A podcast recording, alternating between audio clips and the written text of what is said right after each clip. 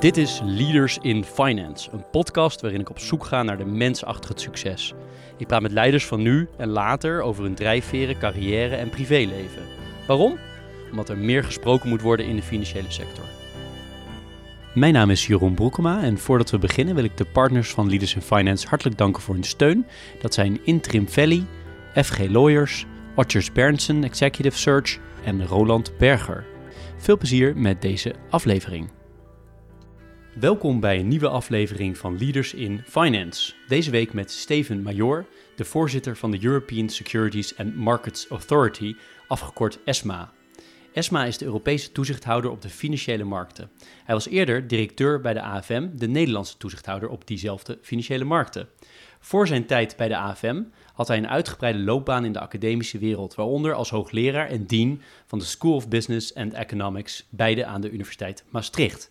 Steven werd geboren in Hongkong, studeerde economie aan de Rijksuniversiteit Groningen en promoveerde aan de Universiteit Maastricht, waarbij de titel van zijn dissertatie luidde The Economics of Accounting Regulation, Effects of Dutch Accounting Regulation for Public Accountants and Firms. Sinds april 2011 is Steven voorzitter van ESMA en dit is zijn tweede vijfjaars termijn. En meer dan twee termijnen is niet toegestaan, dus voor de snelle rekenaars onder ons, Steven gaat deze maand afscheid nemen. Tot slot, Steven is 57 jaar oud, is getrouwd, heeft drie kinderen, waarvan twee dochters en een zoon. En woont als hij niet in Parijs is, waar Esma zetelt, uh, of aan het reizen was, pre-corona, in Nederland. Uh, welkom uh, Steven bij Leaders in Finance. Dag Jeroen. Leuk dat je de tijd neemt om met ons van gedachten te wisselen. En waar ik eigenlijk mee zou willen beginnen is om eens te kijken naar die periode van tien jaar. Want het is wel een heel bijzonder moment dat wij elkaar spreken, dat je op het punt staat om, uh, de, uh, om ESMA te verlaten. Uh, kan je eens, eens proberen terug te blikken op waar die organisatie tien jaar geleden stond en waar die nu staat? En of daar nog veel hetzelfde is of dat het eigenlijk allemaal anders is? Nou, ESMA is inderdaad tien jaar geleden van start gegaan. dat was naar aanleiding eigenlijk van het eerste deel van de financiële crisis. Hè, dat, is, dat is natuurlijk een van de uh, laten we zeggen, meer treurige kanten van hoe organisaties zich, ontwikkelen, is dat typisch toezichthoudersorganisaties het, het resultaat zijn van, van crisis, van problemen. Um, en ESMA werd, uh, werd opgericht naar aanleiding van het eerste deel van de financiële crisis. En om ervoor te zorgen is dat er meer coördinatie zou komen op het gebied van, van financiële markten. En natuurlijk ook een, een, betere organisatie om te kunnen reageren op, uh, op crisis. Toen ik begon in 2011, uh, voelde je de onzekerheid over: is dit wordt dit wat met deze organisatie? Is dit voldoende? Er was toen de tijd uh, ja, het gevoel, je voelde het ook bij het Europees Parlement, waar ik langs moest gaan voor de hearing. Hè, want als voorzitter uh, moest je ook door het uh, Europees Parlement worden goedgekeurd. En je voelde zo van bij de Europarlementariërs van is, dit, is dit sterk genoeg? Nou, dat is in die tien jaar is dat, is dat echt veranderd. We zijn natuurlijk ook, uh, ja, we hebben meer bevoegdheden gekregen, meer personeel. Toen ik begon in 2011 hadden we ongeveer 40 man. We hebben nu 300 man. Is nog steeds een relatief kleine toezichthoudersorganisatie, maar echt een organisatie die uh, ja, echt een bijdrage kan, kan leveren aan stabiliteit uh, en beleggers, beleggersbescherming in, in de Europese financiële markten. Misschien kan ik het ook nog illustreren met het, met het afgelopen jaar, waar, waar je echt kunt zien waar we een belangrijke bijdrage hebben geleverd. Is, uh, zoals je weet, in maart, april vorig jaar hebben we, hè, toen was de COVID-19, de coronacrisis, die, die begon de financiële markten was uh, natuurlijk een enorme gevolg voor de financiële markten. Hè. Dus in hele korte tijd, in, in een paar weken tijd, uh, zeer grote druk op die financiële markten. Uh, we hebben toen een hele belangrijke rol gespeeld als ESMA om te zorgen dat, er, ja, dat je goed in de gaten hebt als toezichthouders in Europa. Waar zitten de risico's? Waar kan het misgaan? En wat moeten we doen om dat te voorkomen? Ik kan er nog meer, meer geven, maar ik denk dat dat een, een goed voorbeeld is uh, we, kunnen nu, we hebben nu zoveel betere uh, begrip ook en data en risico-informatie over de financiële markt in Europa. Dat is onvergelijkbaar met, laten we zeggen, 2007, 2008. En als je nu terugkijkt op die tien jaar, wat waren nou echt cruciale momenten? Wat zijn dingen die je echt niet zal vergeten? Nou, ik denk dat uh, hè, deze, deze, dit, deze coördinatie is natuurlijk een hele belangrijke in de zin van dat we opeens gingen van een, een Europese organisatie. Hè, want wij bestaan natuurlijk enerzijds, uh, we hebben 300 man in Parijs. Maar daarnaast hebben we natuurlijk de, zijn, zijn we een soort netwerk samen met de twee, uh, 27 nationale toezichthouders, de 27 nationale AFM's, om het zo maar te zeggen. je zag dat gewoon binnen twee weken eigenlijk helemaal snel naar op, hè, om te werken op afstand, remote working. Uh, binnen twee weken dat voor elkaar. En ja, en nou, twee à drie keer per week een, een, telefonische vergadering om informatie uit te delen. Waar zitten de risico's en hoe kunnen we helpen marktpartijen om deze lastige periode uh, hè, door te komen? Om te zorgen dat, hun, uh, dat ze kunnen, zich vooral kunnen richten op de, de continuïteit van hun organisatie. Terwijl ze natuurlijk ook zelf helemaal gaan van een fysieke omgeving naar een remote ehm, eh, omgeving. Dus ik denk dat dat een van die momenten is. Dat je ja, hier hebben we een bijdrage kunnen leveren. Maar ook een hele belangrijke die voor mij zeer uh, een, een, een zeer materiële bijdrage heeft geleverd. Is, zoals je waarschijnlijk wel weet, is er in Europa is er heel veel, zijn er heel veel problemen geweest met zogenaamde CFD's. En binaire opties, dat zijn producten die heel veel problemen veroorzaken bij, bij consumenten. Nou, daar hebben we op basis van nieuwe wetgeving in 2018 uh, eh, echt tempo erachteraan gezet en uh, enige tijd later die binaire opties verboden. Restricties opgelegd aan de zogenaamde CFD's. Ja, dat is toch wel, dat was daarvoor niet mogelijk. Is dat er Europees breed, is dat je een bepaald product verbiedt of dat je er zelfs beperkingen aan oplegt. Ik denk dat, hè, en dat is ook echt, ESMA heeft dat gedaan. En dat was daarvoor was dat niet mogelijk. Uh, maar ook het toezicht op kredietbeoordelaars. Uh, het feit dat je daar on-site gaat, beoordeelt hoe ze hun uh, ratings, hun, hun beoordelingen, hoe ze die afgeven, of dat ze dat goed doen. En natuurlijk hoort daar ook, ook een bepaald moment bij dat als ze dat niet goed doen en herhaaldelijk niet goed doen, is dat je dan handhaaft en dat je een boete oplegt. dus dat zijn natuurlijk zo'n boete opleggen, zo'n product beperkingen opleggen. Ja, dat komt echt doordat ESMA in het leven is geroepen op Europees niveau. En daarvoor kon dat niet. En eigenlijk zou je kunnen zeggen dat je toch een soort publieke ondernemer ook bent geweest. Het was een soort van start-up bijna toen je startte. Nu is het een veel grotere club, nog steeds inderdaad relatief klein ten opzichte van al die uh, lokale, tussen aanhalingstekens, uh, toezichthouders. Maar heb je het ook zo ervaren als een soort van start-up die je echt uh, voor moest gaan lobbyen en op de kaart moest gaan zetten? Absoluut, absoluut. En zo voelde hè, ik, zeg ook, uh, het, het, het, is natuurlijk een, een, onderneming opstarten is, een, is, een, is iets anders. Maar ik heb regelmatig ook met mijn collega's gezegd, we, we zijn als een soort small business entrepreneur. We zijn hier echt, ja, we zijn maar een hele kleine organisatie, 40. Je moet uh, en, en het probleem was ook is dat we begonnen terwijl de crisis nog gaande was. dus daarna kwam ook die periode met natuurlijk Griekenland die uh, enorm in de problemen kwam. En terwijl je een organisatie opbouwt, uh, moet je ook al leveren. Je kunt niet eerst zeggen, nou we gaan dus de mensen aannemen en dan over een jaar is de startdatum, over twee jaar. Nee, terwijl de crisis ehm, gaande is wordt er al een beroep op je gedaan. Terwijl je natuurlijk maar net begint met een hele kleine organisatie. Uh, met alle problemen van die, met de werving, uh, een gebouw, uh, zorgen dat je in een gebouw komt, zorgen dat je de IT op orde krijgt. dus het voelt inderdaad wel als, een, als ondernemerschap, maar dan in een publieke omgeving, absoluut. Ja, en wat vond je daar het moeilijkst aan? ik heb het toch eigenlijk vooral als een, een, een, een zeer um, uh, met veel, heel veel plezier gedaan. Maar ik denk het grootste probleem is inderdaad is dat je, uh, is dat je moet leveren terwijl je de boel moet opbouwen. En daar zit ook bij bijvoorbeeld is dat je terwijl je aan het opbouwen is natuurlijk een is er een kleinere organisatie en daar zitten natuurlijk ook mensen zitten daarbij die in die top zitten van zo'n kleine organisatie die natuurlijk hopen dat ze dan ook in die nieuwe grote organisatie ook aan de top zitten. Terwijl je natuurlijk ook moet denken zijn dat dan de beste mensen. Uh, ja, dus je bent ook met, met, met lastige personeelsbeslissingen ben je dan, uh, ben je dan ook bezig. Um, en dus dat is een element. Hè? Dus dat uh, is, is dat je, je kunt niet helemaal vanaf nul beginnen, want daar zit daar natuurlijk toch al een organisatie met mensen die verwachtingen over. En die, die mensen heb je ook nodig om, om ook in die beginperiode te kunnen doen wat je moet doen en wat ook van je verwacht wordt.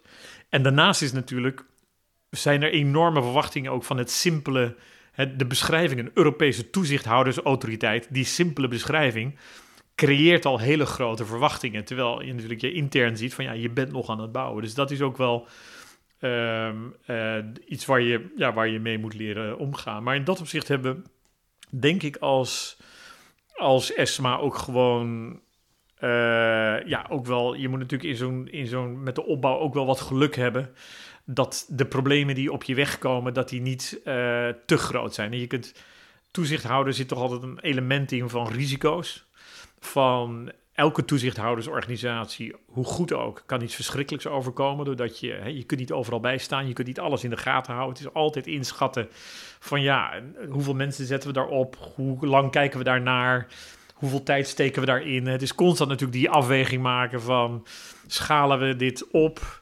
Uh, en het kan, het kan elke organisatie over gebeuren. Hoe goed je ook bent, is dat er ook iets, ja, dat je iets verschrikkelijks mist. Of dat tot grote problemen komt, is dat er beleggers in de problemen komen, is dat er stabiliteitsproblemen zijn. Terwijl je dat niet voldoende op tijd ziet. Ja, dat is een risico waar je natuurlijk altijd uh, mee geconfronteerd kan, kan worden. En wat dat betreft, als terugkijkend, hebben we als ESMA ook wel wat. Hè, je moet ook een beetje geluk hebben als toezichthouder in dat opzicht. Omdat er ook, ja, er zit ook risico-inschattingen bij en die kun je verkeerd hebben. Ja, want hoe doe, je, hoe doe jij dat en hoe doet jouw organisatie dat? Dat je een soort van in kaart brengt of je succesvol bent of niet in wat je doet. Het lijkt me, voor een bedrijf is dat al lastig, maar voor een toezichthouder lijkt me dat nog veel moeilijker. En zeker als je ook nog een, je houdt natuurlijk deels direct toezicht, gewoon dat is iets duidelijker. Maar je hebt ook een coördineren, een hele sterk coördinerende rol tussen al die uh, lokale toezichthouders. Hoe, ja, hoe meet jij of je als toezichthouder succesvol bent in deze, in deze rol? Nou ja, je moet misschien al eerst wel, je staat wel onder grote druk, doordat er natuurlijk uh, A is er hè, de, de kant van de politieke kant. Hè, dus de politieke kant die houdt je natuurlijk scherp in de zin van...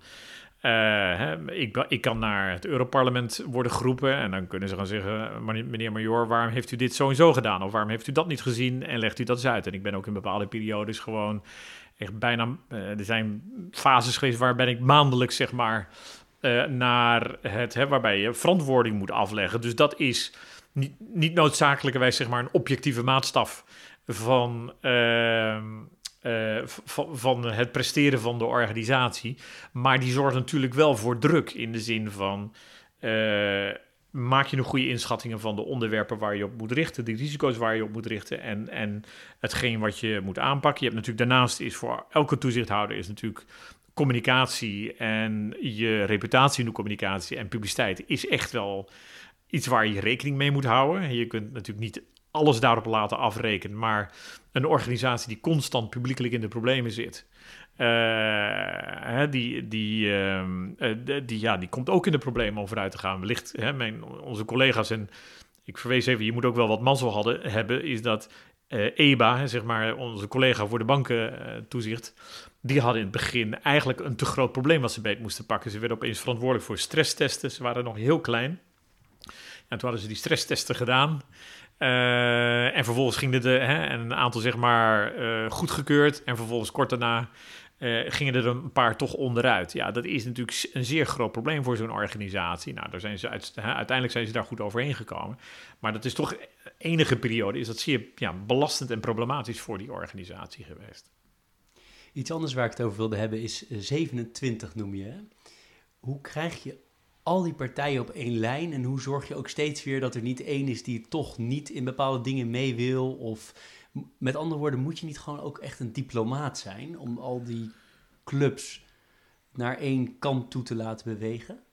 Nou, één, één belangrijk, hè, belangrijk is om te, om beseffen is dat het is inderdaad zo is dat uh, en dit is typisch hoe het in Europa werkt, is dat alle belangrijke beslissingen, en het is echt uh, vrij snel is het een belangrijke beslissing, zullen we maar zeggen, die moet, al die beslissingen moeten door het bestuur van ESMA heen. Dus dat betekent dat we of, normaal gesproken, pre-corona kwamen we dan vijf à zeven keer per jaar bij elkaar in, in Parijs. Een hele dag allemaal besluitvorming, zaken die door door staf al, al, al, kon worden afgehandeld. Daar spraken we daar niet over, maar dan was het een soort hamerstuk. Dus er waren hele stukken erbij waar gewoon iedereen dat zeg maar stilzwijgend um, uh, uh, goedkeurt.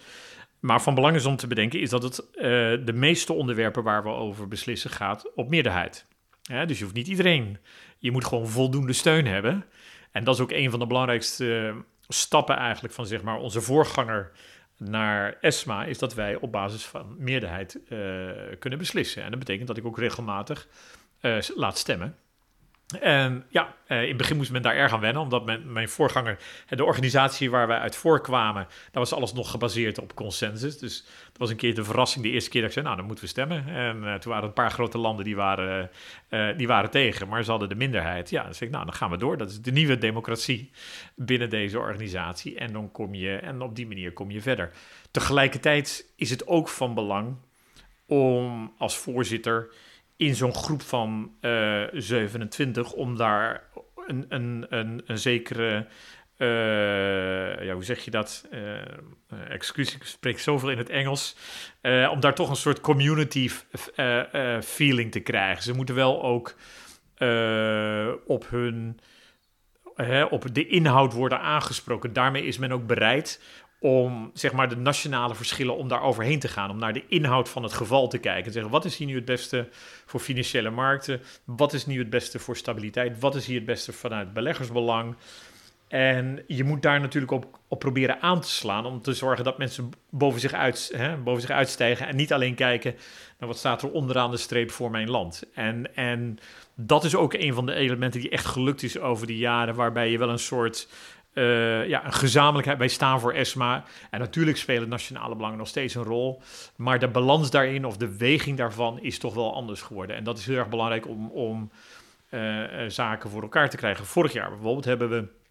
Dat is misschien nog wel aardig om te illustreren. Vorig jaar hebben we een oordeel gegeven over het toezicht van de Duitse toezichthouders in het, in het geval Wirecard. Dus Wirecard is natuurlijk een, een verschrikkelijk fraudegeval.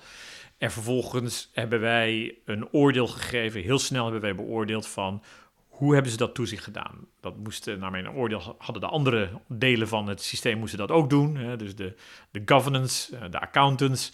Wij keken naar hoe, hebben de financiële toezichthouders, de twee uh, betrokken financiële toezichthouders in Duitsland, hoe hebben ze dit gedaan. Nou, wat we, daar hebben we een onafhankelijk rapport door laten maken door om uh, collega's van ESMA te nemen, maar ook van een aantal nationale toezichthouders, samen een team opgesteld. En die hebben echt als een, uh, als een, een onafhankelijke commissie, zijn ze daar naartoe gegaan, hebben ze de stukken beoordeeld, hebben ze mensen geïnterviewd en hebben ze zeg maar gezegd van nou, dit is, hè, dit is goed gegaan, maar dit is niet goed gegaan. Maar uiteindelijk moest dat rapport natuurlijk ook worden geaccepteerd door mijn bestuur. Nou, uiteindelijk heeft het bestuur ook gezegd, ja, dit is, en dat ligt natuurlijk heel gevoelig, is dat je een ander, een collega-land, daar een negatief oordeel over geeft. Nou, uiteindelijk hebben ze dat geaccepteerd. En is dat rapport ook gepubliceerd. En hè, daarmee is het ook vervolgens is het, is het ook. Uh, uh, de Duitse regering heeft dat meegenomen ook in haar hervorming van het, van het financiële toezicht. Maar daarvoor was het ook van belang, is dat de, de, de leden in mijn bestuur bereid waren om te zeggen: dit is een fair rapport, dit is een goede uh, kwalificatie van wat daar gebeurd is. En hoewel het mij ook misschien een keer kan overkomen, het is nu van belang om te staan voor dit rapport. Terwijl misschien in de beginjaren had men gezegd, weet je wat, dit is niet iets voor ESMA, hier moeten we ons niet, uh, het gaat je niet aan om vanuit Europees niveau het nationale niveau te beoordelen. Dus dat is ook een ontwikkeling waar we als organisatie doorheen zijn gegaan om dat voor elkaar te krijgen.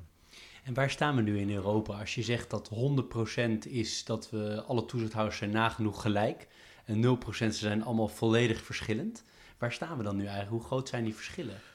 Hoe ik het beschrijf is dat, uh, ondanks dat ik heel tevreden ben over wat we voor elkaar hebben weten te krijgen in die afgelopen tien jaar, en dat het nu zoveel beter is. Bijvoorbeeld uh, alle de, de, eisen die we nu stellen aan toezicht of aan, aan, aan, aan, aan beurzen, aan beleggingsfondsen. Aan derivatenhandel, al die eisen die worden steeds meer en meer hetzelfde. Dat is echt, daar zijn enorme stappen mee gemaakt. dus dat is, dat was vroeger was het allemaal zeer divers, allemaal nationale regels. Die regels zijn nu eigenlijk grosso modo wel hetzelfde over heel Europa. Waar nog de grote verschillen zijn is, gegeven diezelfde regels, hoe houden we daar dan toezicht op en wat vind je belangrijke risico's en wat niet? Daar zitten nog wel grote verschillen in.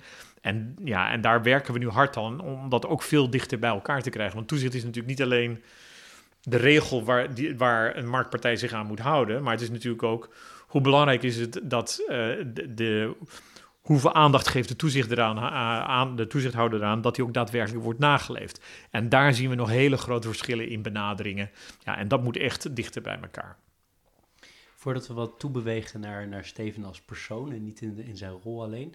Uh, waar ik nog benieuwd naar ben als Nederland, als Nederlander. Hebben wij daar nou eigenlijk ook nog als Nederland iets aan gehad dat wij de toppositie in Parijs uh, vervulden? Vervullen op dit moment nog, nog een paar weken? Nou, ik zeg altijd dat ik. Uh, kijk, een voorzitter van ESMA moet een Europeaan zijn. Die, die moet zijn nationale belangen aan, aan de kant kunnen zetten. Tegelijkertijd denk ik wel dat. Ik heb natuurlijk een, een zekere. Ik ben een Nederlander, dus ik zal een zekere stijl van opereren hebben. En ik ben wel heel erg gericht geweest in die tien jaar met uiteindelijk is hè, als toezichthouder moet je uh, resultaat leveren. Moet je een positief effect hebben op het functioneren van die financiële markten. Uh, het gaat, uh, hoewel soms symboliek belangrijk kan zijn, uiteindelijk gaat het echt om effect.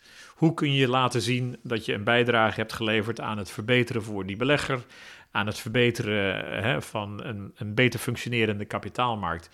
ik denk dat dat wel iets Nederlands is. Hoewel ik tegelijkertijd ook moet zeggen, is dat ik werk in een zeer multinationale omgeving. Hè, 20 plus nationaliteiten in mijn organisatie. En ik, ik ben er ook elke keer weer door verrast hoe op heel veel onderwerpen we juist ook weer hetzelfde denken. En hoe uh, want iedereen zou denken van, nou, is dat dan heel lastig om in zo'n multinationale, zo'n zo'n organisatie te werken met, met vele nationaliteiten? Ik moet zeggen dat het eigenlijk heel prettig is geweest. En dat het, de, de verbinding die je met elkaar hebt eigenlijk heel groot is. Dus je bent er misschien nog wel Europeeser van geworden? Nou, in de, in de zin van... Uh, ik, ik, de, je zou zeggen van tevoren van dat mensen je waarschuwen van let op, je gaat in een organisatie met zoveel verschillende nationaliteiten werken. En daar moet je allemaal mee rekening houden van met gevoeligheden. Ik moet zeggen, het is, het is eigenlijk heel prettig. Nou, moet ik misschien ook wel zeggen, ik ben de voorzitter. Dus wellicht dat ik bepaalde problemen ook wat, hè, de bepaalde organisatieproblemen wat minder snel tot mij komen. Uh, maar ik denk dat ik het wel redelijk kan inschatten. En er is ook heel veel juist wat ons bindt. Mooi, mooi. Kan jij, uh, wil je iets delen over hoe je bent opgegroeid? Het enige wat we in de inleiding hebben gezegd dat je in Hongkong bent geboren, maar verder weten we het eigenlijk niet uh, precies. Uh, wil je daar iets over, over delen? Ik ben in Hongkong geboren omdat mijn vader zat op, de, op de grote vaart. Dus die was werktuigkundige bij een rederij. Uh, en die rederij was, uh, wat je ook, uh, wat je ook in, met Nederland kunt verwachten, had een heel groot netwerk in het buitenland, vooral ook in Azië. En ze maakten het aantrekkelijk voor hun personeel om in Azië te gaan wonen, want dan hoeven dus niet elke keer meer die vliegkosten te betalen. Dus wij hebben eerst een tijd, althans mijn ouders hebben eerst een tijd in Hongkong gewoond. Um, uh, later zijn we naar Zuid-Afrika uh, verhuisd, omdat de, de woonlasten in Hongkong werden heel hoog toen Hongkong uh, booming was. dus, dus dat is mijn achtergrond. En toen hebben mijn ouders toch op enig moment besloten: we willen de kinderen toch een opvoeding in Nederland geven, niet in Azië of in, in Zuid-Afrika. Dus toen uiteindelijk, toen ik zes was, zijn wij uh, naar, uh, uh, naar Nederland verhuisd. en nou ja, middelbare school gedaan in, op de Veluwe en daarna in Groningen gestudeerd. Maar dat had je geloof ik al gezegd bij de, bij de intro. Maar je hebt dus nog wel herinneringen aan je buitenlandtijd als kind? Ik heb uh, van Hongkong heb ik geen herinnering, omdat dat, uh, we zijn daar denk ik twee of drie maanden nadat ik geboren, uh, na mijn geboorte zijn we daar vertrokken. Van Zuid-Afrika heb ik vaaglijk wat herinnering dat ik nog naar, naar de eerste klas van een jongensschool, eerste twee klassen geloof ik van een jongensschool ben geweest, ja. En hoe omschrijf je je opvoeding? Mijn ouders hadden het niet niet uh, ruim. Dus financieel was het, was het hè, we, daar, wij, wij groeiden zeker niet op in luxe. Maar ik voelde mij wel bevoorrecht door die buitenlandcomponent van mijn, van mijn vader. Want A, doordat je natuurlijk in Hongkong bent geboren en in Zuid-Afrika hebt gewoond, was je natuurlijk al een soort bijzonderheid eh, in de klas eh, hè, op de lagere school. Maar daarna heb ik ook nog als student nog regelmatig, eerst als middelbare scholier, maar ook met mijn, later nog als student, regelmatig met mijn vader uh, meegevaren. En dat was in die tijd, dat was nog voor de host, dat iedereen, zeg maar, dat was nog net voordat iedereen ging vliegen, zeg maar. Dat was nog net zo'n beetje toen ik studeerde, kreeg je dat mensen wel dat studenten dan twee of drie jaar een flinke tijd spaarden en dan een reis maakten naar Zuid-Amerika. Dat begon er net in te komen. Maar ik had wel een soort um, bevoorrechte positie. En zo voelde het ook dat ik door het beroep van mijn vader al veel van het buitenland had kunnen zien. Dus ik ben mijn, met mijn vader ben ik gevaren naar Zuid-Amerika. ik ben met mijn vader gevaren door, het, door, over de Middellandse Zee, door het Suezkanaal naar Singapore en, uh, en naar Japan. Dus dat, dat voelde wel als een, een bevoorrechte achtergrond. Ging je mee op vakanties of zo? Of hoe dat ik was, uh, het is voor een deel tijdens vakanties, maar toen ik, uh, toen ik studeerde hoefde je, had je ook geen collegeplicht. En, ik, en mijn studie ging op zich vrij goed. Dus ik ben ook wel eens in mijn herinnering gewoon gedurende het collegejaar met mijn vader meegegaan. Maar dan, dan studeerde ik overdag als er gevaren werd. Of, uh, hielp je ook mee dan? Uh, nee, ik hoefde niet mee te helpen. Je zat gewoon te studeren ergens midden op de Atlantische Oceaan? Ja, ja, ja. En, uh, en ja, ja. En, en examen, het paste net ook zo met examens dat het allemaal goed ging, ja. En je ging mee omdat je vader dat graag wilde, omdat jij dat graag wilde? Omdat ik wat van de wereld wilde zien. En, uh, en ik denk dat dat nog wel een element... Ik heb altijd wel banen gehad waar, waar Europa, internationale... Het, het een, een, belangrijke rol speelde. Ook tijdens mijn academische... Uh, ik had natuurlijk... Ik, had, uh, ik wilde eerst ook nog in het, uh, in het buitenland een stage doen als student. Maar daar had ik toch te weinig ja, ja, netwerk voor om dat voor elkaar te krijgen. Het is me toen wel gelukt. Dat was voor die tijd, was dat een, ook al een flinke stap. Uh, is het me wel gelukt om toen een tijdje een, een trimester aan de London School of Economics uh, een, een, tijd te zijn. Ehm, ja, dat is nu hè, voor de huidige generatie. Ik moet zeggen, dat is een van de beste dingen die Europa heeft voorgebracht. Is natuurlijk het Erasmus-programma. Ik ben jaloers op de generatie die later is gekomen en die dat allemaal gewoon in de schoot geworpen uh, heeft gekregen. Maar dat is een van de meest fantastische dingen die Europa voor elkaar heeft gekregen. Uh, vooral ook omdat ik mezelf besef hoeveel moeite het me kostte. Want ik wilde eigenlijk al tijdens mijn economiestudie naar het buitenland. Maar dat lukte me toen niet, want ik had het netwerk niet. En mijn ouders waren dan ook weer niet voldoende zeg maar, daarin aangehaakt om dat voor elkaar te krijgen.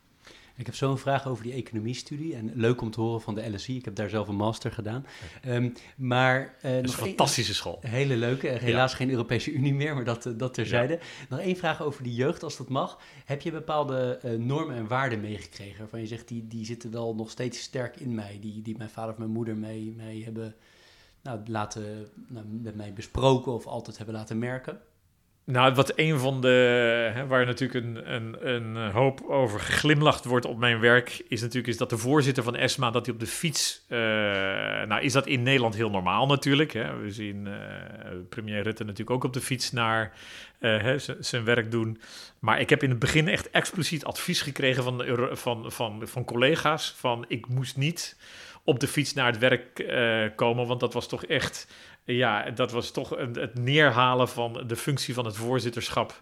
Een president van een Europese toezichthoudersorganisatie. Die moet niet op de fiets. Nou, nou goed, ik heb dat natuurlijk in de wind geslagen. Ik heb dat wel gedaan. Maar ik ben wel iemand die altijd toch uh, heel goed in de gaten houdt over een zekere zuinigheid. En uh, je doet dit met geld van anderen. Hè, dit is taxpayers money. Uh, dat zijn wel uh, normen en waarden die ik van christendom, vanuit een beetje Calvinistisch? Nou, de, ik, ik, ik, hè, dus ik ben katholiek opgevoed, maar de, ze zeggen dan altijd: een Nederlandse katholiek, dat is eigenlijk een protestant. om, omdat inderdaad, weet je, erg, erg luxe zal het toch niet, zal het, toch niet worden. Dus ik denk dat dat, dat is een element maar ook wel een element van, ja, je, moet wel uh, je talenten gebruiken. Um, um, en ja, doe er je voordeel mee. En mijn vader was ook iemand die, een, van, die had een optimistische natuur. Dat is ook wel een soort, uh, een, een soort optimisme. We gaan het voor elkaar krijgen en je moet er elke dag wat van maken. Dat heb ik van mijn ouders wel meegekregen. Ja, dat is bij jou niet te missen al ja. na een half uur. En de economiekeuze. Want je, die, je, je, hebt altijd de zeevaart gezien, hè? Uh, dus dat had ook gekund. Of heb je dat ooit overwogen? En hoe ben je bij economie gekomen? Ik had uh, aan de, in de beginjaren van de middelbare school uh, had, ik twee, had ik twee mogelijkheden. Dat is of zeevaart. En dat is natuurlijk altijd de logica, is dat de meeste zonen willen de baan van hun vader doen. Dus die, die zitten natuurlijk logisch bij. En de andere was inderdaad economie ik, had, ik vond dat gelijk eigenlijk een interessant vak. En um, ja, uh, ik, ik, ik zag koerswisselingen in de mijn, terwijl ik er helemaal niet mee opgevoed ben. Mijn, mijn ouders hebben geen achtergrond op economisch gebied. Maar ik vond het inhoudelijk wel uh, gelijk interessant. En ik denk dat ik al wist vanaf nou, tweede of derde. Nee, het zal de derde zijn toen de tijd dat je het kreeg, geloof ik, economie. Toen wist ik eigenlijk vrij snel dat wil ik gaan studeren. Ja, ik vond het gewoon inhoudelijk interessant. Ik vond die combinatie over. Uh, het gaat over iets dagelijks. Het gaat over, het gaat over, het gaat over prijzen. Maar er zat toch ook die techniek bij. Dat, en dat heeft me altijd uh, wel geïntrigeerd en geïnteresseerd, moet ik zeggen. En wat zeiden je vader en moeder toen je dat al in de tweede of derde van de school riep? Die vonden dat een uitstekend idee. Ja. Ja, er was een neef die het ook deed, maar uh, die vonden dat een uitstekend idee. Toen ben je gaan studeren. Hoe omschrijf je je studententijd? Uh, als een fantastische tijd. Ja. Ja, het, het was... Uh, ja, omdat het een periode is waarin je jezelf ontwikkelt, nieuwe ja, het is gewoon de vrijheid ook. Ik bedoel, je bent toch als, als middelbare scholier. Ik bedoel, ik altijd prima thuis met mijn ouders. Maar opeens zit je natuurlijk wel in een veel vrijere omgeving. waarin je zelf je beslissingen kunt nemen. Uh, jezelf je, je, je toekomst kunt uitstippelen. Ik vond het wel een, uh, een, een, mooie, ja, mooie fase in mijn leven. En was het voor jou uh, ook een hele nieuwe fase vanuit intellectueel perspectief? Ben je ook heel anders gaan denken, omdat je natuurlijk later hoogleraar geworden? Uh, is dat toen gebeurd of was het al eerder? Dat is in die, in die periode is het wel uh, gebeurd dat ik ook... Want ik zat heel erg te twijfelen of ik nou inderdaad de, verder zou moeten gaan met de wetenschap. Ik, er was toen een, een, een hoofddocent, die werd hoogleraar in Maastricht. En die vroeg mij toen mee om te gaan promoveren in Maastricht. Uh, en ik, ik, twijfel daar heel erg over. Want ik kon me ook voorstellen dat ik zeg maar een, een, een baan in de, in de praktijk zou uh, beginnen. Dus het was niet zoiets van nou op voorhand ik wil hoogleraar worden of ik wil de academische kant in opgaan. Uh, ik heb daar toen heel erg getwijfeld. Maar ik vond het wel heel interessant. En, dat, en daarmee werd ook wel mijn belangstelling voor de wetenschap gevoed. Is dat je inderdaad op basis van data, gegevens van financiële markten kunt begrijpen hoe ze functioneren. Dat vond ik wel een, ja, iets intrigerends. Is dat je, dus natuurlijk, die, dat, dat financiële systeem is heel complex. Maar het biedt ook wel heel veel mogelijkheden om daar ja, analyses op los te laten. Hoe hangt het met elkaar samen? Uh, hè, dat zat, ook in mijn proefschrift zat dat uiteindelijk, zat dat, hè, dat was ook een, zoals dat heet, een empirisch proefschrift. Hè, dus het was data gedreven. En daar, daar was ik ook wel inhoudelijk door ja, gefascineerd. Dus dat je gewoon kunt uitvinden hoe dingen in elkaar zitten door gewoon aan de slag te gaan. En hoe A B beïnvloedt, nou, dat is een kwestie van data gaan verzamelen. Ja, en dat is, als je daar nu naar kijkt, dat doen we nu nog steeds zo. Alleen op, natuurlijk op veel grotere schaal, met veel betere mogelijkheden nu. Maar dataverzameling en proberen te begrijpen wat er in die financiële markt uh, gebeurt, dat is natuurlijk nu nog dagelijkse kost voor me. En tegelijkertijd ben je ook bestuurlijk actief uh, geworden uiteindelijk. Want is dat toch continu een terugkerend thema bij jou dat je aan de ene kant met die wetenschap, met die, met die analyses bezig zijn, aan de andere kant toch ook in de praktijk bezig zijn als, als bestuurder. Ik zie dat bij, de, bij de AFM, ik zie dat bij de, als, in de rol als, als ja, rector noem je het geloof ik niet, uh, of wel, of in ieder geval van de, van de School of Business Economics. Is dat de rode draad ook vaak bij jou? Er is, er is, ik denk wel dat de rode draad bij al die uh, functies een combinatie is van het leuk vinden om iets bestuurlijks te doen, om om iets voor elkaar te krijgen met een team. Maar die inhoud is, is ook heel erg belangrijk. Ja, ik denk dat ik het. Dat, dat is wel een heel erg belangrijk onderdeel van hetgeen wat ik aantrekkelijk vind aan het werk, is die combinatie van. Aan de ene kant zit er natuurlijk een, gaat het over wat zeker, hè, er zit een bestuurlijke kant aan. Er zit ook zelfs een communicatiekant in, waar, waarbij je heel in hele simpele termen moet kunnen uitleggen van mm, waar gaat dit over? Wat probeert ESMA hier te doen? Wat zijn de, hè, wat, wat, uh, wat, waarom doet ESMA wat, uh, wat ze doet? Maar aan de andere kant zit ik inderdaad ook soms te puzzelen op stukken om te kijken van hoe zit het nou? Klopt dit nou wat we hier zeggen?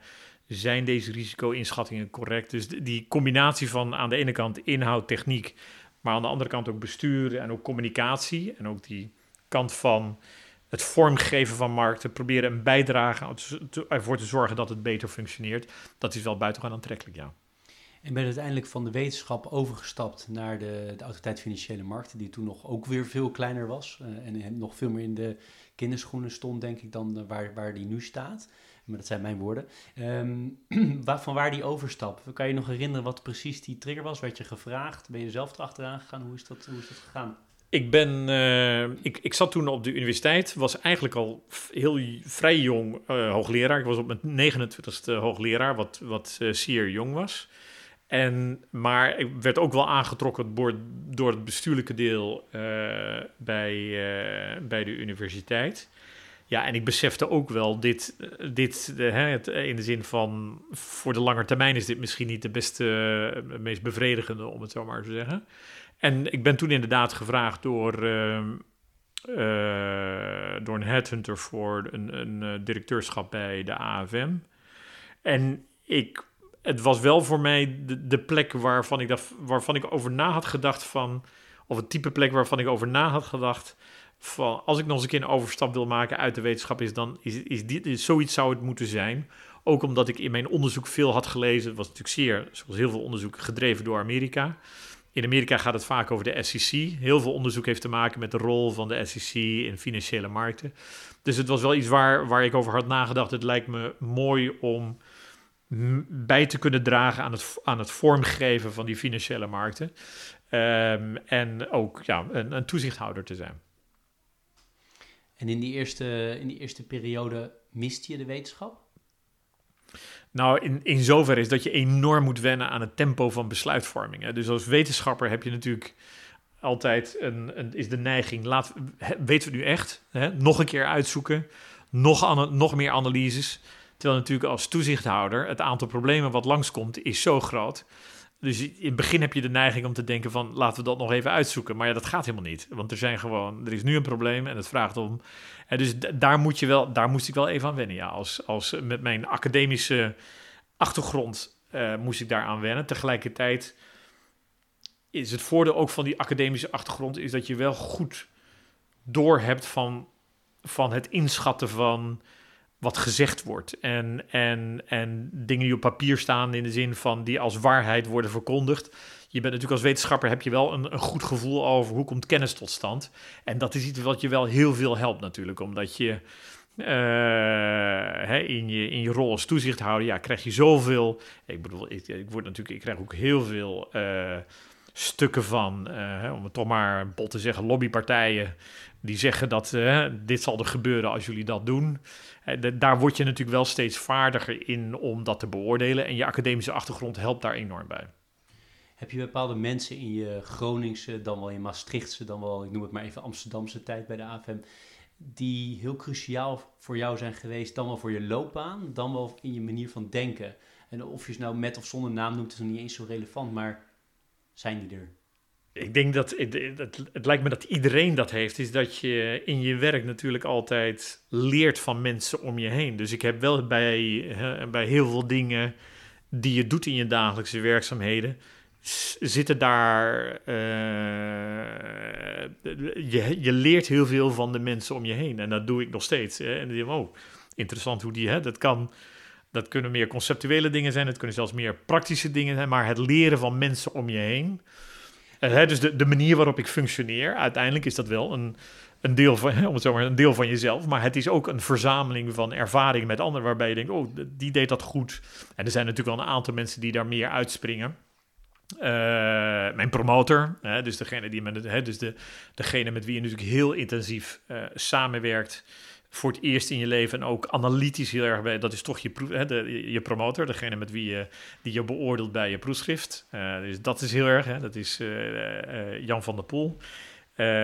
die, die heeft invloed op je, over hoe je denkt, zeker in die fase ook van je, van je carrière. Maar goed, er zijn ook later uh, collega, ik was eerst nog een, een, zat ik in het bestuur van de faculteit, was er een decaan waarvan je een hoop leert. Later natuurlijk bij de AFM ook veel, uh, hè, veel geleerd van, van de verschillende voorzitters bij de AFM met wie ik gewerkt heb. Um, dus ja, al die, die, die spelen allemaal een rol in, in, in wie je bent en hoe je functioneert.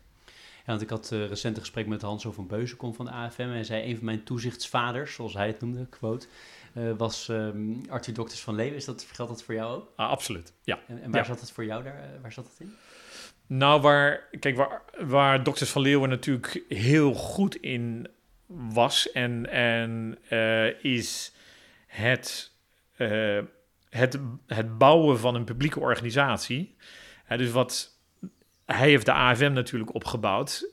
ik moest samen met mijn collega's dat in Parijs doen met ESMA daar heb ik natuurlijk wel regelmatig de, de discussies zijn langsgekomen in je hoofd van goh, hoe, hoe hebben we dat toen aangepakt bij de AFM? Het opbouwen van een publieke organisatie.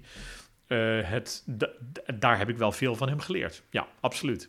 Een vraag die ik uh, de laatste tijd vaak stel en die ik probeer wat uit te bouwen met gasten is of ze willen reflecteren op wat geld nou eigenlijk, eigenlijk voor hen zelf is. Uh, en de meeste mensen die antwoorden dan toch wel ja, geld is niet, niet zo heel belangrijk voor mij. En dan probeer ik altijd nog één stap verder te komen van... Is het belangrijk voor jou en, en wat voor rol speelt het in je leven? Uh, geld is, is natuurlijk... Uh, geld in, in je leven speelt natuurlijk een rol in de zin van dat het voor een deel ook bepaalt de, de ruimte die je krijgt om dingen, hè, om dingen te doen. En, en het gemak waarmee je dat uh, kunt doen. Ik bedoel, ik kan me nog herinneren dat ik, ik bedoel, ik deed het met veel plezier, maar dat ik als student echt helemaal geen, niks meer te makken had, zullen we maar zeggen, zo geloof ik, zo zeggen ze dat. En dat ik met, me, met mijn huisgenoot is dat we voor de komende tien dagen twintig zakjes macaroni maakten. En die uh, allemaal keurig in een, in een hoeveelheid deden. En dan in de diepvriezer. En, en dat je tien dagen achter elkaar macaroni eet, wat waarschijnlijk per zakje een euro, een gulden kost in die tijd. Om gewoon die tien dagen door te komen. Dus um, um, in dat opzicht, geld is natuurlijk wel, geeft je de uh, dus ik, uh, het, het, geeft je ruimte om dingen te doen die je graag wil doen. Het is een zeker gemak daarmee, is dat je natuurlijk... Uh, het geeft je ook de ruimte om, om tijd te geven aan aandacht dingen die je leuk vindt. Dus het gaat mij niet zozeer om de materiële kant van de zaak. Ik bedoel, ik kan met aan bepaalde zaken geef ik buitengewoon weinig geld uit. Ik denk dat dat het belangrijkste is, is dat je je ruimte geeft om je leven in te richten zoals je het wil. Maar ik moet zeggen dat natuurlijk ook met de komst van dat is natuurlijk een van de fantastische dingen met nieuwe technologie. Is dat de beschikbaarheid van muziek, lezen. En hè, dat is natuurlijk allemaal veel makkelijker geworden. Waar je vroeger natuurlijk enorme moeite mee moest doen om CD's of LP's nog eerder te kopen. En die waren ook hè, voor die tijd ook best wel kostbaar. Is de, dat is natuurlijk wel een van de grote voordelen van, van technologie. Is dat uh, de beschikbaarheid van heel veel, hè, de wereld die je kunt tot je kunt brengen, is, is veel groter geworden met verhoudingswijs bescheiden middelen. Ik gaf jou in het uh, voorgesprekje voor dit, dit interview al aan dat we altijd een, uh, een pleaser en een teaser hebben. Uh, aan de teasende kant heb ik het volgende opgeschreven en dan zijn we benieuwd naar wat jij ervan vindt. De grootste volumes van aandelenhandel in Europa bevinden zich nu na de brexit op in Nederland gevestigde handelsplatformen. het gaat echter om aandelen die overal in Europa genoteerd staan. Uh, het toezicht hierop zou moeten plaatsvinden vanuit Parijs en niet vanuit Amsterdam. Wat, wat vind je daarvan? Nou, allereerst is het zo dat die. Het is interessant dat je dat. Want dat dit gebeurd is, daar hebben we een belangrijke rol in gespeeld. Ik denk dat wellicht dat dat niet. Uh, misschien voor de buitenwereld wat minder uh, zichtbaar is geweest. Want er is. We hebben besloten als ESMA.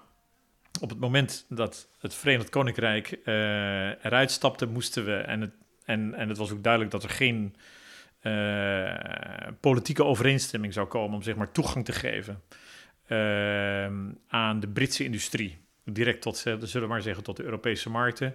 Van in hoeverre staan wij toe dat die aandelen nog in het Verenigd Koninkrijk worden verhandeld? Of is het mogelijk dat we inderdaad dat we ervoor zorgen dat het allemaal in Europa plaatsvindt?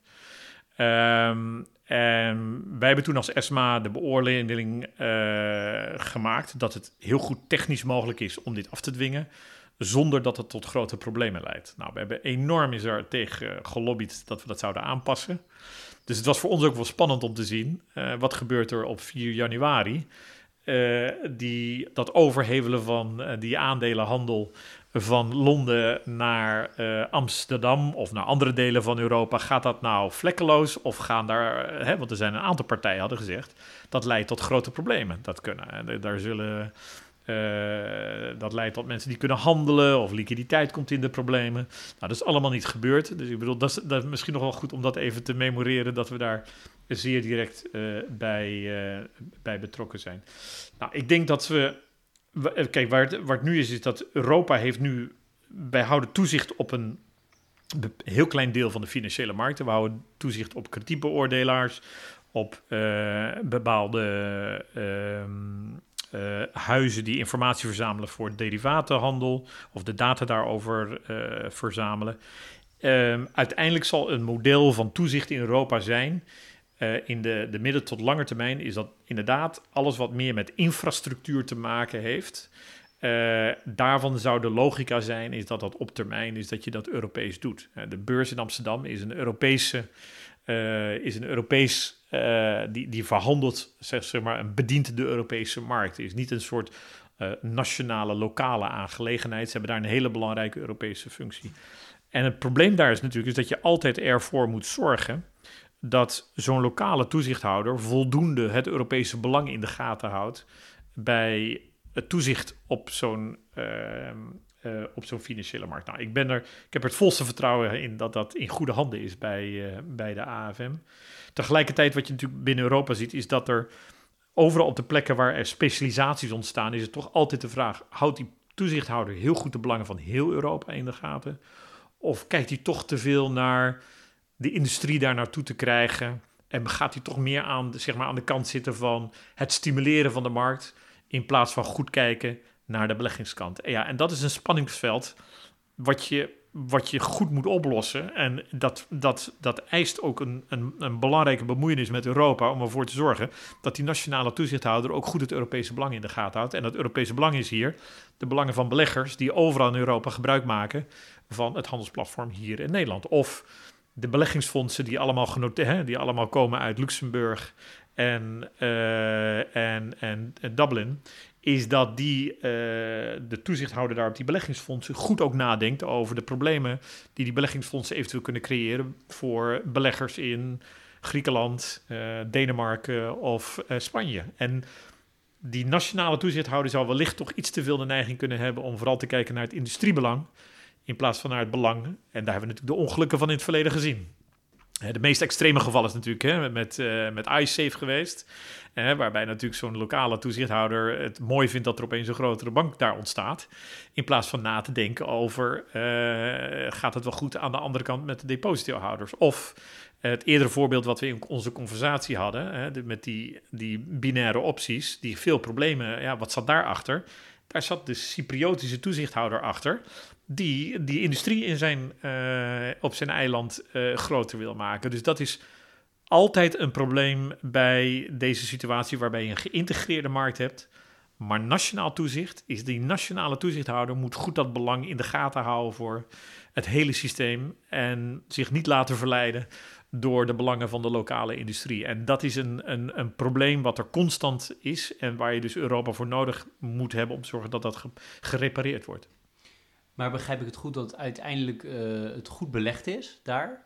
Dat de, de overdracht vanuit Londen goed gegaan is, in tegenstelling tot wat sommige mensen dachten. Maar dat we altijd moeten oppassen dat het niet een, een, een nou ja, meer het, eh, ministerie van Economische Zaken wordt, een soort van promotie voor de, de BVX-land, welk dan ook. Um, maar zit er ook nadelen aan om het helemaal naar Europa te halen dan?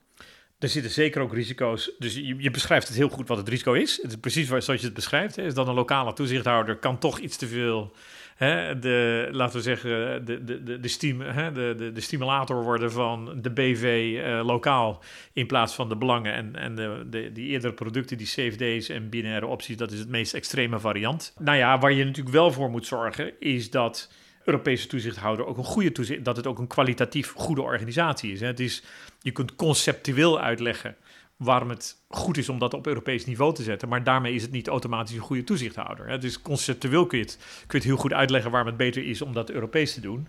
Maar vers 2 is om te zorgen dat het ook echt een goed functionerende, hè, een goed functionerende organisatie is. En dat uh, landen daar goed over willen nadenken en, en daar zeggen van ja, uh, als het dan naar Europees niveau is, dan willen we ook zorgen dat het wel hè, een, een, een, een organisatie is die goed omgaat met de macht die ze krijgt, ja, dat is natuurlijk een terechte, terechte zorg. Aan de pleasende kant stellen we altijd dezelfde vraag, is uh, hou je van lezen? Uh, zijn er bepaalde boeken die jou geïnspireerd hebben of waar je, die je graag aan mensen geeft? Nou, uh, ik heb doordat vanwege mijn werk moet ik ongelooflijk veel lezen. Vanwege mijn functie. En ik moet zeggen dat ik in mijn vrije tijd dus verhoudingsgewijs weinig lees. Omdat mijn mijn zakelijk leven, mijn professioneel lezen, het leven is bijna, is voor een heel groot deel heel veel lezen. En dus in mijn vrije tijd doe ik liever aan, aan sport en, en aan koken.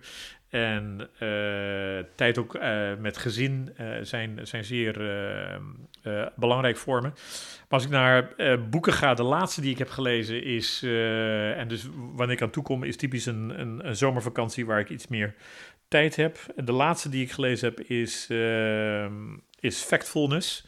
Uh, de naam van de auteur is me even ontschoten. Gosling. Uh, Gosling, ja. Um, en dat is een boek wat heel mooi beschrijft hoe...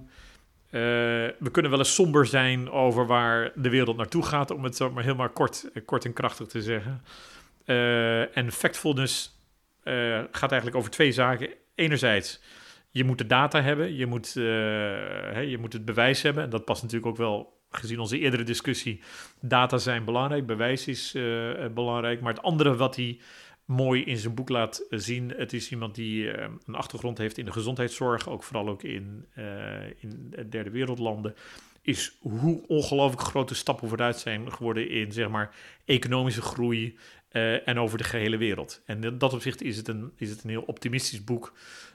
Als je ziet hoe uh, armoede is, terug, hè, is teruggelopen in de afgelopen, wat is het, 20, 30 jaar. Hoeveel meer kinderen naar scho een school kunnen, hè, middelbare schoolopleiding kunnen hebben. hoeveel meer mensen nu de beschikking hebben over goed sanitair. Hè, dat, dat de, ondanks de somberheid over, laten we zeggen, over milieu, is dat, dat optimisme uit dat boek, dat is een, dat is een mooie. Wat voor boek zou je een eh, eerstejaars economiestudent nu voorschrijven? Um, Los van een inleidend boek, maar meer om om, breder beeld. Uh, nou, de, de, andere boeken die ik op, op, uh, op economisch gebied interessant vind, zijn boeken die vooral gaan over het opbouwen van. Hey, er is natuurlijk een hele belangrijke vraag: is waarom eh, doen bepaalde landen het zoveel beter dan andere landen. En we zijn natuurlijk heel snel geneigd om te denken in lokaal ligging, uh, de, natuurlijke bronnen waar ze over de beschikking over hebben. Maar er zijn ook heel wat boeken, en het, hele, en het zal je niet verbazen als econoom dat ik daar geïnteresseerd in ben, die natuurlijk beschrijven hoe belangrijk instituties zijn, hoe belangrijk wetgeving is, hoe belangrijk hè, hoe je een kapitaalmarkt kan ontwikkelen. Als je een kapitaalmarkt wil ontwikkelen, moet je natuurlijk ook bepaalde instituties hebben. Je moet ook op een bepaald moment een accountant kunnen hebben. En, en er zijn boeken die dat heel mooi beschrijven over hoe de, hè, de, de, de bouw van instituties, hoe belangrijk dat uiteindelijk is voor het, het, uh, het welbevinden en in, in landen en de groei in landen. Dus dat zijn ook boeken, dus uh, boeken van, van Fukuyama. En Francis Fukuyama daarover, Trust, is een heel mooi boek over die beschrijft over waar bepaalde instituties zich in bepaalde landen ontwikkelen. En als ze die zich dan ontwikkelen, hoe die hebben bijgedragen tot, de, hè, tot, het, het, tot grote multinationale ondernemingen. En waarom is dat in één land wel mogelijk en waarom lukt dat in een ander land niet? Mooi, leuk, uh, leuk, leuk om te horen. Um, iets wat ik aan alle, geloof 50, 57 uh, gasten tot nu toe heb gevraagd is of ze bepaalde tips hebben voor mensen die nu starten op de arbeidsmarkt, dan specifiek toch wel met het Leaders in Finance is. Mensen die starten in de financiële dienstverlening, dan wel bij een toezichthouder, dan wel bij een bank, dan wel elders in die financiële dienstverlening. Tja, dat is, dat is geen. Ja, weet je, het, mooie is natuurlijk is dat er zoveel wegen naar Rome leiden. En daarmee is een tip is eigenlijk ook al kun je hem gelijk weer onderuit halen, omdat je een tegenvoorbeeld kan geven. En dat zul jij waarschijnlijk al, al gezien hebben met al die bespre al de leaders in finance die je hebt geïnterviewd. De verschillen in persoonlijkheden zullen gigantisch zijn. En, en er zijn, ik schat in heel veel wegen die naar, uh, die naar Rome leiden. Wat, me wel wat, wat me gedurende mijn carrière wel is opgevallen is dat aan de ene kant is natuurlijk talent en doorzettingsvermogen is belangrijk, maar uiteindelijk is geluk ook heel erg belangrijk. Je moet, uh, het, het verbaast me altijd hoeveel mensen getalenteerd zijn, uh, hoe goed ze zijn. En toch komen ze niet zo ver. Ja, omdat ze gewoon net niet. Ik heb ook de mazzel gehad dat ik een bepaald moment voorzitter kan, hè, kon worden uh, van, van ESMA. Hè. Voor hetzelfde geld was ik tweede geworden. Was het nog steeds fantastisch. Maar dan was mijn leven fundamenteel anders geworden. Uh, dus ik denk dat je tegenslag in je carrière niet te snel op je persoonlijkheid moet betrekken. In de zin van, ja, weet je, uh, je moet daar ook wel wat vertrouwen in houden. In de zin van, nou, soms, uh, hè, soms, soms zit het tegen. En, en in dat opzicht speelt ook toeval een, een belangrijke rol. Dus het zal toch een combinatie zijn van talent, doorzettingsvermogen. Maar je moet ook een, een mazzel hebben. En dat mazzel betekent ook is dat als het een paar keer tegen zit, is dat je toch gewoon doorgaat. En dan hoopt dat de, hè, de dobbelsteen een keer wel de goede kant op rolt. Ja, je slaat denk ik de spijker op zijn kop op basis van mijn uh, empirisch onderzoek tussen aanhalingstekens van die 57, dat, dat er heel veel wegen naar Rome leiden. Tegelijkertijd wat mij heel erg opvalt is dat er een aantal dingen zijn die steeds weer terugkomen. En één daarvan is dat er vooral in de beginfase van de loopbaan, maar ook daarna hoor, maar zeker in die beginfase, heel hard gewerkt wordt dat er heel veel uren gemaakt worden. Hè? Dus die, die, die, die 10.000 uren, uren regel van Malcolm Gladwell. Je moet 10.000 uur iets doen voordat je het echt goed kan. Uh, geldt dat voor jou ook? Heb jij ook altijd heel veel uren gemaakt in je, in je werk? Ja, ik heb altijd wel veel uren gemaakt. Ja, ik heb altijd wel veel uren gemaakt in de zin dat... Maar dat, ik, ik werk natuurlijk ook in een gebied waar inhoud belangrijk is. Als je, als je in de wetenschap... Uh, uh, in de wetenschap verkomen op, op, uh, op charme en grote lijnen, ja, dat, dat, dat past gewoon niet bij. De, daar moet je toch gewoon je, je werk leveren. Um, en hard werken heeft, is wel onderdeel geweest van, van, van mijn carrière, ja. Maar overigens uiteindelijk toch wel in een goede balans. Ja, daar, daar gaan een van de laatste vragen van dit, van dit gesprek over. Is van hoe heb je dat gemanaged? We zeiden in het voorgesprek, jou, jouw vrouw werkt ook. Uh, je hebt, uh, we zeiden in de inleiding, je hebt drie kinderen. Dus hoe heb je die balans uh, vroeger en hoe heb je die nu behouden? Uh, belangrijk is om te zorgen dat je, uh, maar goed, dat zal niet verrassend zijn, is, uh, ik heb ook altijd wel aandacht gegeven om te zorgen dat je fysiek prettig moet voelen. Je kunt je voorstellen, zeker met die rol als voorzitter van ESMA, waarbij je ook heel veel moet reizen. Dus mijn gemiddelde, door corona is dat natuurlijk fundamenteel, fundamenteel anders geworden, maar voordat corona daar was, was mijn gemiddelde reisschema was maandagochtend uh, vroeg vanuit uh, uh, Nederland de, de Thalys pakken naar Parijs. Dus om 20 over 5 opstaan. zes uur naar Schiphol rijden daar, naar, om daar de Thalys te pakken. Dan typisch twee dagen in Parijs en dan nog twee à drie dagen ergens anders in Europa. En waarbij dan ook heel veel van het reizen vroeg in de ochtend en, en, en laat in de avond gaat zitten. Dus je moet dan wel zorgen dat je fysiek gewoon goed op orde blijft. Dus dat betekent dat je echt gewoon ja, moet nadenken over wat ik eet en drink, maar ook wat je beweegt. Dus ik heb ook altijd veel erbij uh, gesport bij uh, uh, het werk. En daarnaast ben ik ook wel iemand die. Ehm, mijn vrije tijd is ook echt mijn vrije tijd. Dus ik. Zeker in de afgelopen tien jaar. Daarvoor had ik wel wat, wat deed ik er zaken bij. Maar zeker in de afgelopen tien jaar was het ook echt voorzitterschap van ESMA. Uh, en dat betekent er gewoon van maandagochtend tot vrijdag uh, stevig er tegenaan. Maar in principe in het weekend is het voor het gezin. en niet al te veel complicerende dingen erbij met, met nog allerlei nevenfuncties. ik heb dat tamelijk overzichtelijk gehouden. Dus de, de verdeling in het huishouden was ook, is en was ook altijd redelijk 50-50. Ik ben, ik ben degene die, uh, misschien dat zelfs met het koken, dat het niet 50-50, dat ik degene ben die meer kookt dan, uh, dan mijn. Ik, ben, ik hou van lekker eten.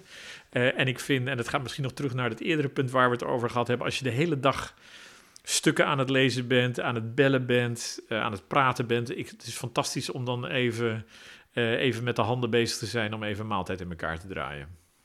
Je zei uh, uh, over het fit blijven. Wat voor soort sport doe je dan? Dat vind ik altijd leuk om te weten. Ik ben vooral een. Uh, het was voor, tot een aantal jaren geleden vooral hardlopen. Dat was het grootste gedeelte. Omdat het natuurlijk ook allemaal heel makkelijk mee te nemen is. in hele kleine koffertjes als je door Europa reist. Dus hardlopen was de hoofd, hoofdmoot. recentelijk is er wat, wat meer fietsen bijgekomen. En zeer recentelijk ook nog weer zeilen bijgekomen. Wauw, dat, is een hele, dat is een heleboel.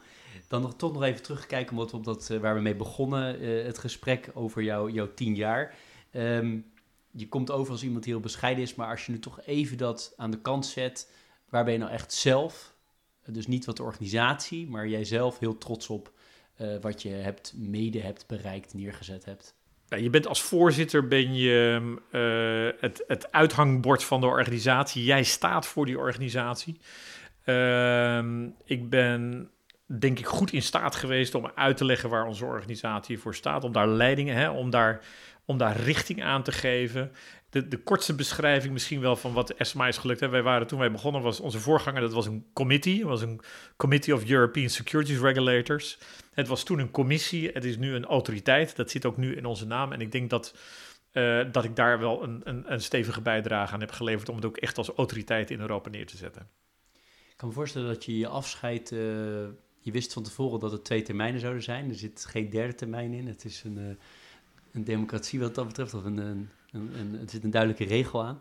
Heel anders had voorgesteld pre-corona. Ik neem aan dat het nu een digitaal afscheid wordt. Het wordt uh, volgende, volgende week uh, wordt het, uh, zijn er diverse bijeenkomsten, maar het gaat allemaal op afstand. Dus het zullen teamsbijeenkomsten worden. Er zal een afscheid zijn met, van mijn bestuur. Uh, met wie ik natuurlijk zeer intensief heb uh, samengewerkt in de afgelopen jaren. Er zal een conferentie zijn over tien jaar ESMA volgende week. Uh, en er zal natuurlijk ook een, een afscheid zijn met het personeel. Maar dat zal, ik zal in een studio in Parijs zitten. Althans, ze zullen een studio opbouwen in het gebouw van ESMA. maar het zal vrijwel zonder collega's zijn. Nou, dat is wel jammer. Uh, dat is jammer, maar goed, tegelijkertijd, we zitten, het is bevoorrecht dat we hè, een baan hebben. We hebben ook de ruimte om, uh, om goed te kunnen blijven functioneren uh, tijdens, ehm, tijdens corona. Je moet er niet aan denken dat je nu acteur bent of restaurateur. dus ik denk dat we, wat dat betreft, ehm, tellen wij onze zegeningen. We hebben in de voorbereiding heel veel over jou gelezen en geluisterd en bekeken. En we konden niet vinden wat je hierna gaat doen. Als ik zou moeten gokken, word je volgens mij uh, um, weer rector magnificus van de universiteit. Volgens mij ga je gewoon weer de wetenschap in. Uh, maar dat kan ik helemaal missen. Is het wel bekend wat je gaat doen hierna? Want je gaat niet met pensioen, denk ik. Ik ben niet voornemens om met pensioen te gaan. Uh, ik ben al wel vrij, vrij ver met, met iets. Maar als, als ik dat kan melden, dan zal ik dat doen. Leuk, ik ben erg benieuwd. Ik, ga daar, ik zie er naar uit om dat, om dat TCT te lezen. Eh, te horen. Uh, allerlaatste vraag. Is er nog iets waarvan jij zegt, Jeroen, ik vind het jammer dat je dat niet hebt gevraagd, of dat zou ik graag nog willen delen? volgens mij hebben we heel veel onderwerpen hebben we met elkaar uh, besproken. Nee, volgens mij zijn alle... Ik heb veel meer over mezelf gezegd dan in welk interview dan ook. Dus mooi dat dat een, een, keer de gelegenheid toe is. Nou, leuk. Ik, ik zie dat dan maar even heel arrogant als een compliment. maar ik, ik zie het vooral als iets waar ik heel dankbaar voor ben. En ik wil jou ook bedanken voor de, de vele tijd die je hebt genomen voor dit gesprek. Ontzettend leuk om naar te luisteren. Dus uh, luisteraar nummer 1 vond het in ieder geval heel erg leuk. Nu hoop ik dat er, dat er meer luisteraars zijn die dat uh, leuk vonden. Uh, met dank aan Bloemon, het online bloemenbedrijf, krijg je zo meteen een cadeautje als, als dank voor je, voor je deelname. En nogmaals heel erg bedankt voor, voor je al je tijd. En ik wens je al succes in de nieuwe rol of functie of wat het dan ook mag zijn. En ehm, ik uh, hoop dat jij uh, ook nog eens naar deze podcast, naar andere leaders in finance zult, uh, zult luisteren. Nogmaals dank. Dankjewel Jeroen. Dit was Leaders in Finance. Veel dank voor het luisteren. Ik hoop dat je ervan hebt genoten. Voordat we afsluiten zou ik je willen vragen als je feedback hebt om deze te delen met mij via een Apple of Google review. Via de social media kanalen of natuurlijk direct per e-mail. Ik kan het altijd enorm waarderen als mensen dat doen. Tot slot, ik dank mijn partners voor hun steun. Dat zijn Interim Valley, FG Lawyers, Otjes Berndsen Executive Search en Roland Berger.